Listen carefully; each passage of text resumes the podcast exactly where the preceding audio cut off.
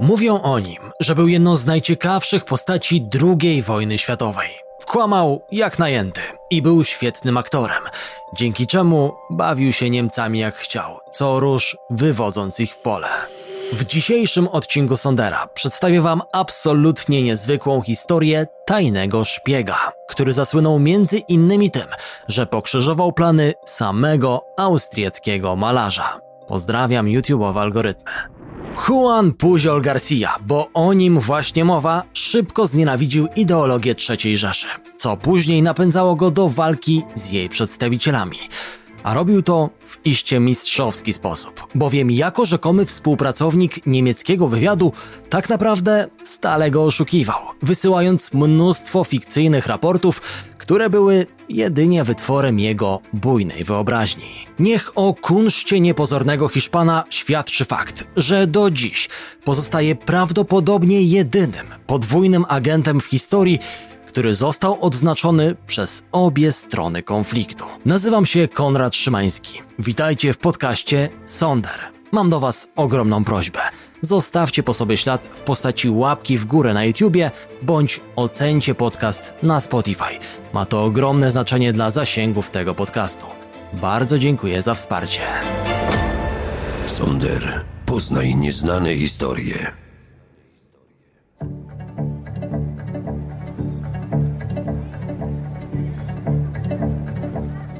Puziol przyszedł na świat w 1912 roku w stolicy Katalonii, Barcelonie. Dorastał w dobrze sytuowanej rodzinie o liberalnych poglądach. We wczesnej młodości prowadził sklep metalurgiczny, a jego przyszłością miało być hodowanie drobiu. Beztroski żywot Juana latem 1936 roku przerwała wojna domowa w Hiszpanii, której, delikatnie mówiąc, nie był zwolennikiem. Rozlew krwi we własnym kraju traktował jako coś godnego pogardy. Wyrobił sobie więc fałszywe dokumenty i przez dwa lata omijał służbę w armii szerokim łukiem. W pewnym momencie wojny objął jednak stronę nacjonalistów generała Franco, który wygrał konflikt i przejął wieloletnie, bezkompromisowe rządy w Hiszpanii. Co ciekawe, Pujol ostatecznie walczył i dla nacjonalistów, i dla republikanów. Choć słowo walczył to nadużycie, bo jak sam twierdził, nigdy nie oddał żadnego strzału, a jego celem zawsze była dezercja.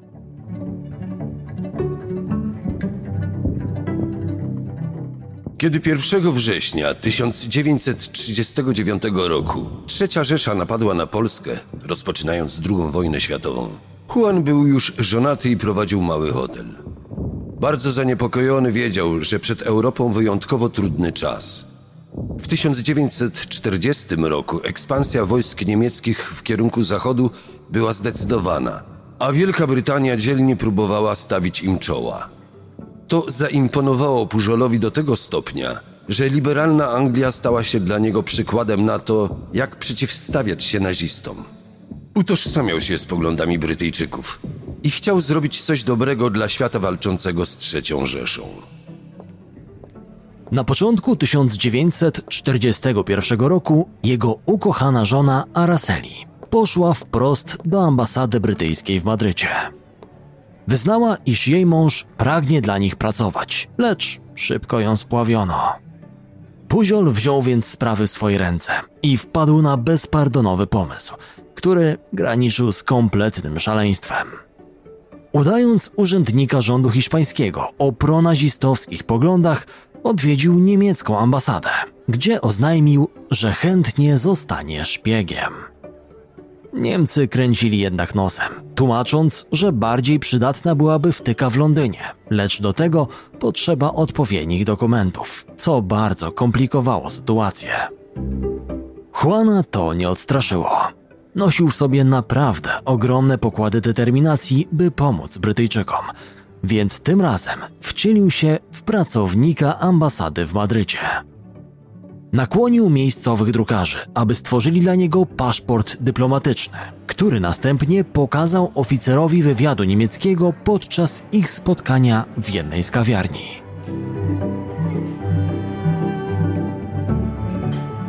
Opowiadał najbardziej niesłychane rzeczy, jakie tylko można sobie wyobrazić. Twierdził, że ma wizę wjazdową do Anglii, co oczywiście było kłamstwem. Podjął ryzyko, któremu w dzisiejszych czasach zapewne przyjrzałby się psychiatra. Mówił ekspert w zakresie historii służb specjalnych Rupert Allason w dokumencie pod tytułem Tajemnice II wojny światowej.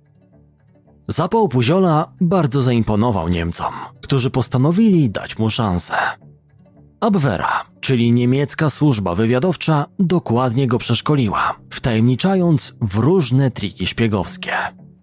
Przykładowo, jednym z takich trików było zapisywanie poufnych informacji atramentem sympatycznym pomiędzy zwykłymi, niczym nie wyróżniającymi się zdaniami. Później, za pomocą wywoływacza, można było łatwo przeczytać to, co z pozoru niewidzialne. Zadaniem Puziola było wysyłanie Niemcom raportów prosto z Londynu, lecz świeżo upieczony agent nie wybierał się w tamtym kierunku. W lipcu 1942 roku wraz z małżonką wsiadł w pociąg zmierzający prosto do Portugalii, która podczas wojny zachowała neutralność. Zaopatrzony był w księgę szyfrów, atrament sympatyczny i 600 funtów otrzymane od Abwehry. W Lizbonie Puziol, któremu Niemcy nadali pseudonim Alarik, chciał pochwalić się w brytyjskiej ambasadzie, jaki numer wywinął nazistom, licząc na to, że w ten sposób otrzyma uznanie i szpiegowski angaż już po tej właściwej stronie. Anglicy jednak i tym razem mu odmówili.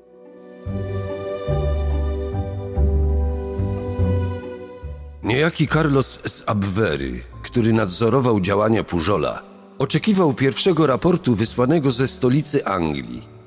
Juan wiedział, że nie posiada możliwości wyjechania na wyspy, więc musi wymyślić fortel, którym uargumentuje, dlaczego listy nadaje z Lizbony. Stworzył więc nieistniejącą postać stewarda, który lata pomiędzy Anglią a Portugalią.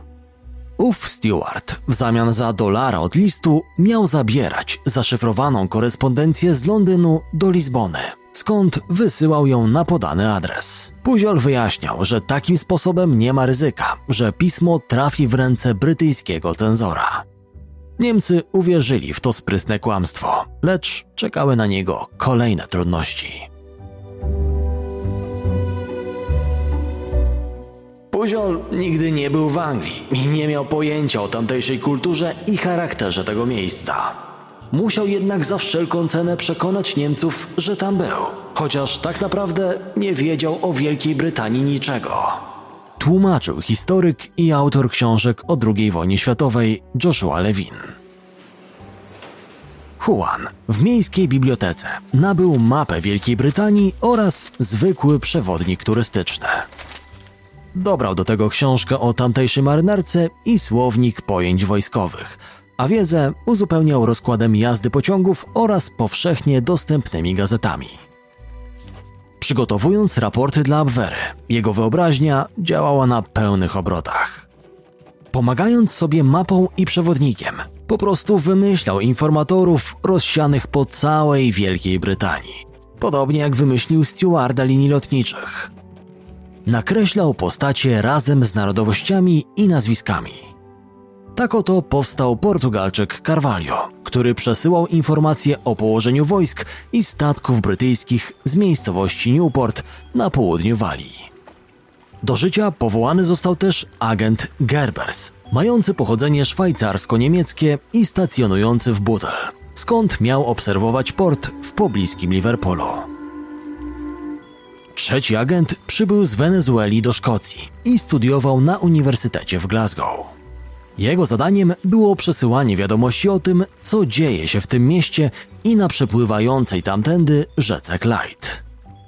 Puziol niczym pająk metodycznie tkał sieć agentów, tworząc spójny system informacyjny obejmujący całą Wielką Brytanię.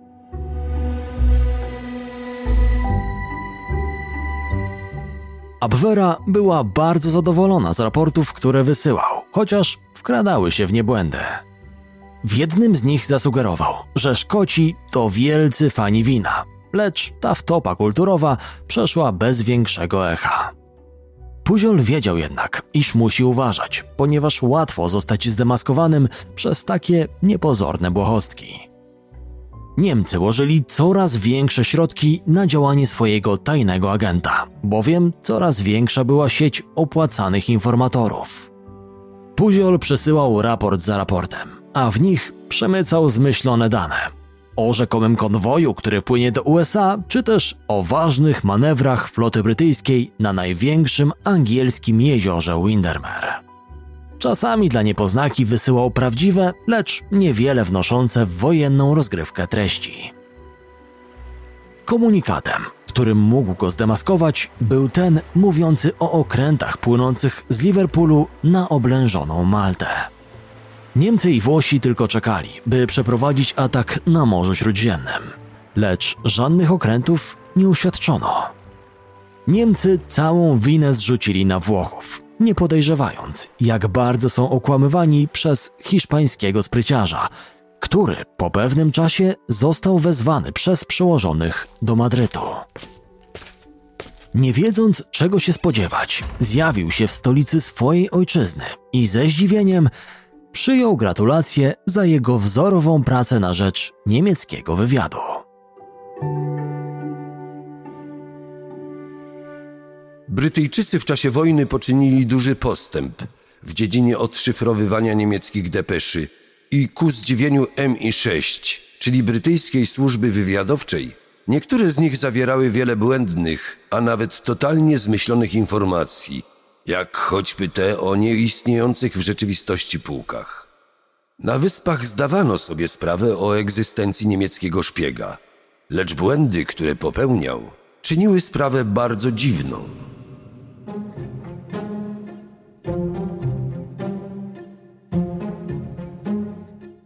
W lutym 1942 roku Puziol nawiązał kontakt z asystentem amerykańskiego atasze w Lizbonie.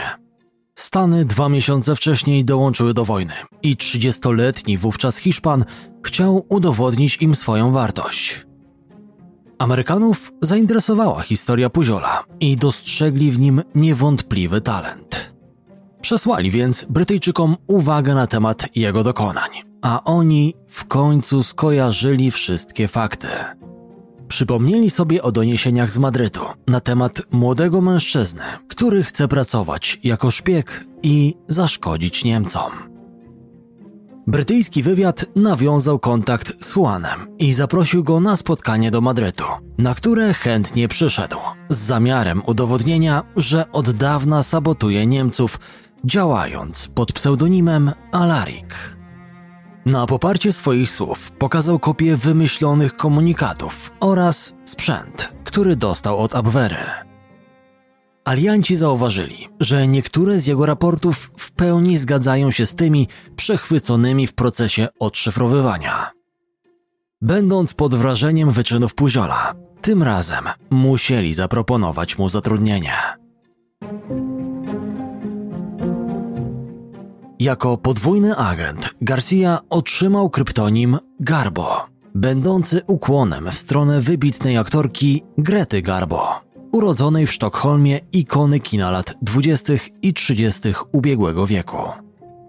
MI5, czyli brytyjski kontrwywiad, przydzielił Puziolowi oficera Tomasa Harrisa, znającego język hiszpański. Harris miał nadzorować jego poczynania. Juan zamieszkał w Londynie wraz z żoną i synem, więc mając rodzinę u boku, mógł już skupić się tylko na dalszym oszukiwaniu Niemców. Garbo i Harris stanowili zgrany duet. Harris, świadomy umiejętności twórczych swojego kompana, dał mu wolną rękę w wymyślaniu kłamstw. Panowie wysyłali od dwóch do czterech napakowanych totalnymi bzdurami listów tygodniowo. Siatka fikcyjnych agentów stale rosła i w swoim szczycie sięgała ponad 20 nazwisk. W pełni zadowolała Niemców, którzy nawet nie zadawali sobie trudu, by zatrudniać dodatkowych szpiegów. Garbo i Harris nie mogli jednak w nieskończoność wysyłać nieprawdziwe informacje. Wiarygodność w oczach Niemców była priorytetem, więc taktyka Juana musiała choć na chwilę ulec zmianie.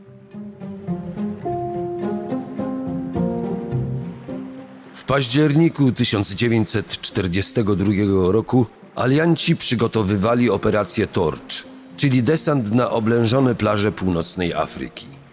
Niemiecki wywiad mógł oczekiwać szczegółowych informacji na ten temat od swojego szpiega. Garbo stanął na rozdrożu, ponieważ wiedział, że nie może ostrzec wroga, a jednocześnie nie może go także nie powiadomić o zamiarach wojsk alianckich. Część przekazywanych wieści na temat operacji Torch była więc prawdziwa. Garbo nadał pismo, w którym wenezuelski informator z Glasgow donosi o opuszczeniu portu przez konwój okrętów wojskowych, pomalowanych w śródziemnomorski kamuflaż, co naturalnie było prawdą. List z dokładnym miejscem i terminem ataku aliantów został wysłany pocztą lotniczą, ale brytyjski wywiad celowo opóźnił jego dostarczenie, by w ręce Niemców trafił już po fakcie. Puziol otrzymał w odpowiedzi krótką wiadomość. Przykro nam, że list dotarł zbyt późno, ale twoje ostatnie raporty były wspaniałe. Abwera darzyła Juana dużym zaufaniem, a on sam nie nadążał z pisaniem raportów. Były ich setki, a mnóstwo z nich liczyło tysiące słów. Siatka agentów za pomocą płodnej wyobraźni Garbo ulegała dalszemu rozrostowi. Do fikcyjnego Wenezuelczyka w Glasgow dołączył jego brat, natomiast nowego informatora, który nienawidził ZSRR, ulokował w północnej Afryce. Ale uwaga, jednego z agentów Garbo sprytnie uśmiercił, mianowicie Gerbersa z Butel obok Liverpoolu, by tym usprawiedliwić brak meldunków z tamtego miejsca. Był to prawdziwy majstersztyk, bowiem MI5 spreparowało nawet nekrolog w gazecie wydawanej w Liverpoolu, który Garbo wysłał Niemcom w ramach dowodu. Wszyscy byli jedynie wytworem wyobraźni jednego nadzwyczajnego człowieka. Wszyscy z nich posiadali własne problemy. Z żoną, z dziewczyną, wpadali też w kłopoty finansowe. Mieszkali w różnych częściach kraju, w których Garbo nigdy nie był. To absolutnie niewiarygodne. Ekscytował się kreatywnością Buziola wspomniany ekspert Rupert Allason.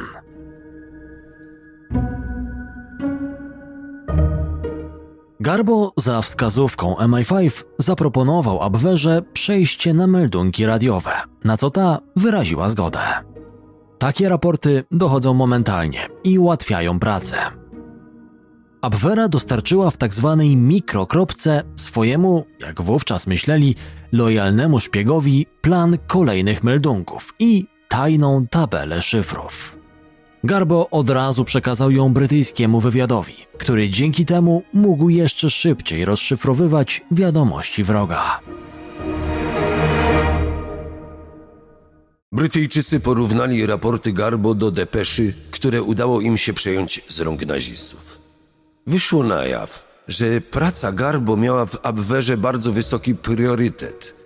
Jego rzekomo tajne informacje od razu przesyłano z niemieckiej ambasady w Madrycie prosto do Berlina, co już naprawdę dobitnie ukazywało estymę, którą w III Rzeszy cieszył się Alarik. W połowie 1943 roku Puziol napotkał kłopoty na gruncie prywatnym. Jego żona Araceli zaczęła mocno tęsknić za ojczyzną. Nie pomagał fakt, iż MI5 zabroniło jej nawiązywać w Londynie nowych znajomości. Zapracowany mąż nie miał dla niej wiele czasu, a towarzystwo Tomasa Harrisa też nie wystarczało. Kobieta popadła w mocny psychiczny dołek i regularnie wszczynała kłótnie. W trakcie głośnej awantury zagroziła, że jeżeli dalej będzie tak samo, to wyjawi wszystkim prawdziwy fach męża. Nie mam zamiaru żyć z moim mężem nawet pięciu minut dłużej. Pójdę do hiszpańskiej ambasady i powiem im całą prawdę, nawet gdyby mieli mnie zabić. Krzyczała w stronę Harrisa. MI6, czyli brytyjski wywiad za granicą, musiał pilnie interweniować, Więc wymyślili, że zakończą znajomość z Puziolem, lecz będzie to naturalnie kłamstwo, a Garbo zacznie pracować w tajemnicy przed żoną. Juan uknął jednak nieco bardziej wyrafinowany plan. Wespół z MI5 zorganizowali pozorny akt jego aresztowania, czego powodem miało być zachowanie Araceli oraz jej rozległa wiedza na temat specyfiki zawodu męża. Cała sytuacja na tyle załamała kobietę, że ta chciała targnąć się na swoje życie, odkręcając w domu kurki od kuchenki gazowej. Wyrachowanie, jakim kierował się Puziol, zadziałało. Kiedy tylko odegrano scenkę wypuszczenia go na wolność, Aracela obiecała, iż już nigdy nie zrobi niczego, co mogłoby zagrozić dekonspiracją działalności męża i postara się pogodzić z tęsknotą za krajem. Sonder, poznaj nieznane historie. 1944 rok stanowił bez wątpienia najważniejszy okres w karierze Garbo.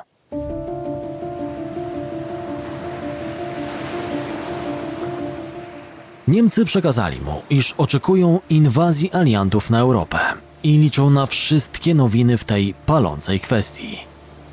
Tak oto wystartowała największa akcja dezinformacji w historii wojen. Czerwcową misję zaatakowania północy Francji nazwano Operacją Overlord. Zadaniem Garbo było zmylenie Niemców co do miejsca i czasu ofensywy aliantów. Próba oszukania Niemców nosiła nazwę Operacja Fortitude i to właśnie Puziol odegrał w niej jedną z głównych ról. Alianci za cel obrali sobie plażę w Normandii, robiąc wszystko, by przeciwnik uwierzył jednak, że ich celem będzie oddalona znacznie na wschód Pas-de-Calais, dokąd z Wielkiej Brytanii jest zdecydowanie bliżej, bo zaledwie kilkadziesiąt kilometrów.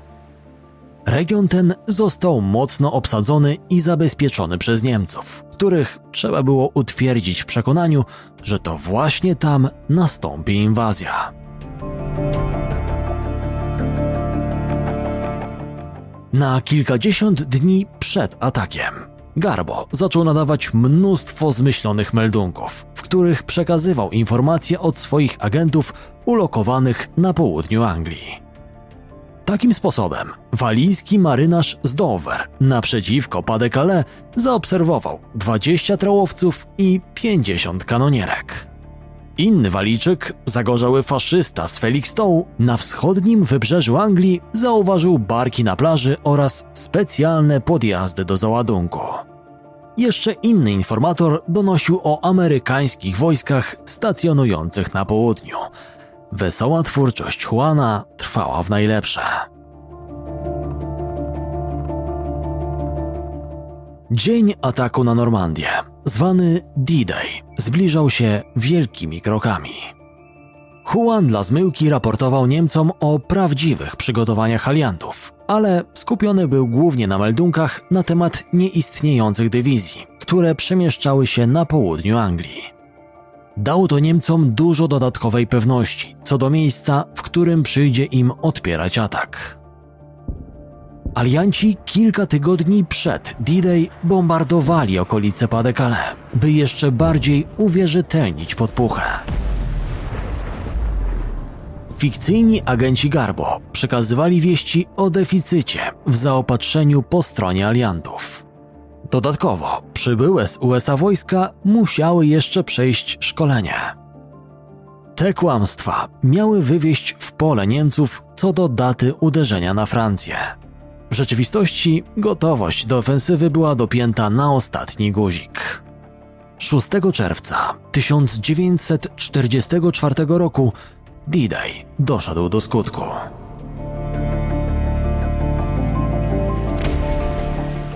Wojska alianckie zaskoczyły niemiecką obronę największym morskim desantem w dziejach.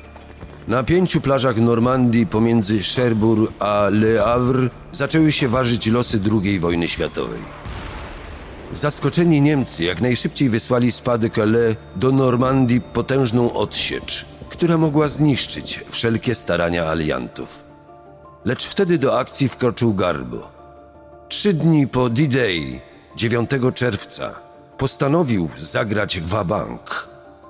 Wysłał meldunek, w którym przekonywał, że atak na Normandię ma jedynie odwrócić uwagę Niemców i ściągnąć tam ich wojska, a ponowny szturm alianci przeprowadzą już w Pas-de-Calais. Apelował, żeby nie przesuwać wojsk do Normandii.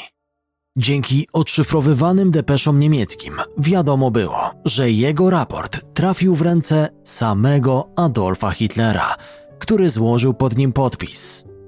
Führer zrobił to, co radził mu Garbo i odwołał posiłki pędzące na zachód.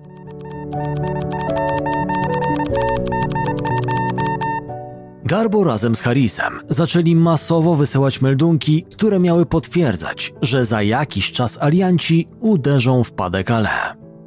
Przekazywali wiadomości o amerykańskich dywizjach, które koncentrują się w pobliżu rzekomego miejsca drugiego natarcia. 17 dni po D-Day zwiat przeprowadzony przez Luftwaffe na terenie Anglii zobaczył z powietrza ślady przygotowań do lądowania, a zwłaszcza koncentrację łodzi desantowych na wschodnim wybrzeżu. To przekonało niemieckich dowódców, że oponent rzeczywiście wkrótce zawita w Pas-de-Calais. Jednak alianci w tamtym momencie przeszli samych siebie. Wpadli na genialny plan – by na wschodnim wybrzeżu Anglii, które obserwowało Luftwaffe, umieścić dmuchane czołgi, papierowe samoloty czy gumowe łodzie, które z daleka wyglądały na prawdziwe. Niemcy z ogromnymi nakładami wojsk czekali w Pas-de-Calais na coś, co nigdy nie nastąpiło. Aliantom udało się w końcu przebić przez niemiecką obronę w Normandii i przedostać w głąb Francji. Ostatecznym skutkiem lądowania w Normandii było otwarcie zachodniego frontu, co wymusiło na Niemcach walkę na dwóch frontach wschodnim i zachodnim. To osłabiło ich pozycję i przyczyniło się do ich ostatecznej klęski. Chciałem wypowiedzieć Hitlerowi prywatną wojnę. Pragnąłem ją stoczyć przy użyciu mojej wyobraźni. Oznajmił niegdyś Garbo który w swojej osobistej wojnie z przywódcą Niemiec wygrał. To między innymi dzięki jego działalności niespełniony malarz, akwarelista w końcu musiał polec.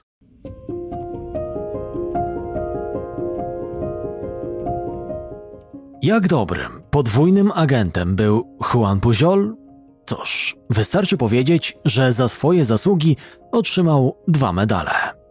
Jeden od nieświadomych niczego Niemców, drugi zaś od zachwyconych nim Brytyjczyków.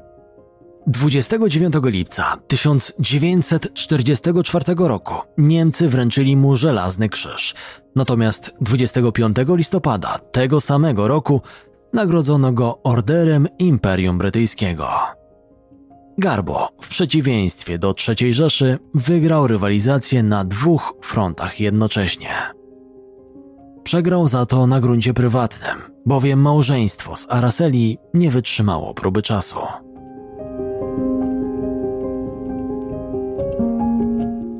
W czerwcu 1945 roku Pujol zmartwiony tym, że w końcu wyjdzie na jaw kim jest, postanowił uciec z Anglii. Zdążył jeszcze otrzymać od Niemców 35 tysięcy peset nagrody i 15 tysięcy funtów od Brytyjczyków. Chodziły słuchy, że wiele lat później umarł na malarię w Angolii, ale tak naprawdę pracował w firmie naftowej w Wenezueli. Wspomniany już dwukrotnie w tym podcaście, Rupert Allison, pseudonim literacki Nigel West, w latach 80. na własną rękę postanowił znaleźć Puziola. Puziol i Allison ostatecznie spotkali się w Nowym Orlanie, 20 maja 1984 roku i podjęli współpracę nad wydaną rok później autobiografią o nazwie Operacja Garbo. Szóstego czerwca 1984 roku, w 40. rocznicę D-Day, Juan poleciał do Normandii, by na tamtejszych plażach oddać hołd poległym. On sam zmarł cztery lata później w stolicy Wenezueli Caracas. Umarł nieco w zapomnieniu i niewątpliwie należy mu się większy rozgłos. Śmiało można nazywać go bohaterem II wojny światowej, który w sposób wydatny pomógł ocalić wiele ludzkich istnień. Sonder, poznaj nieznane historie. Zaobserwuj podcast i zaznacz dzwonek. Dzięki temu nie ominiesz żadnego odcinka.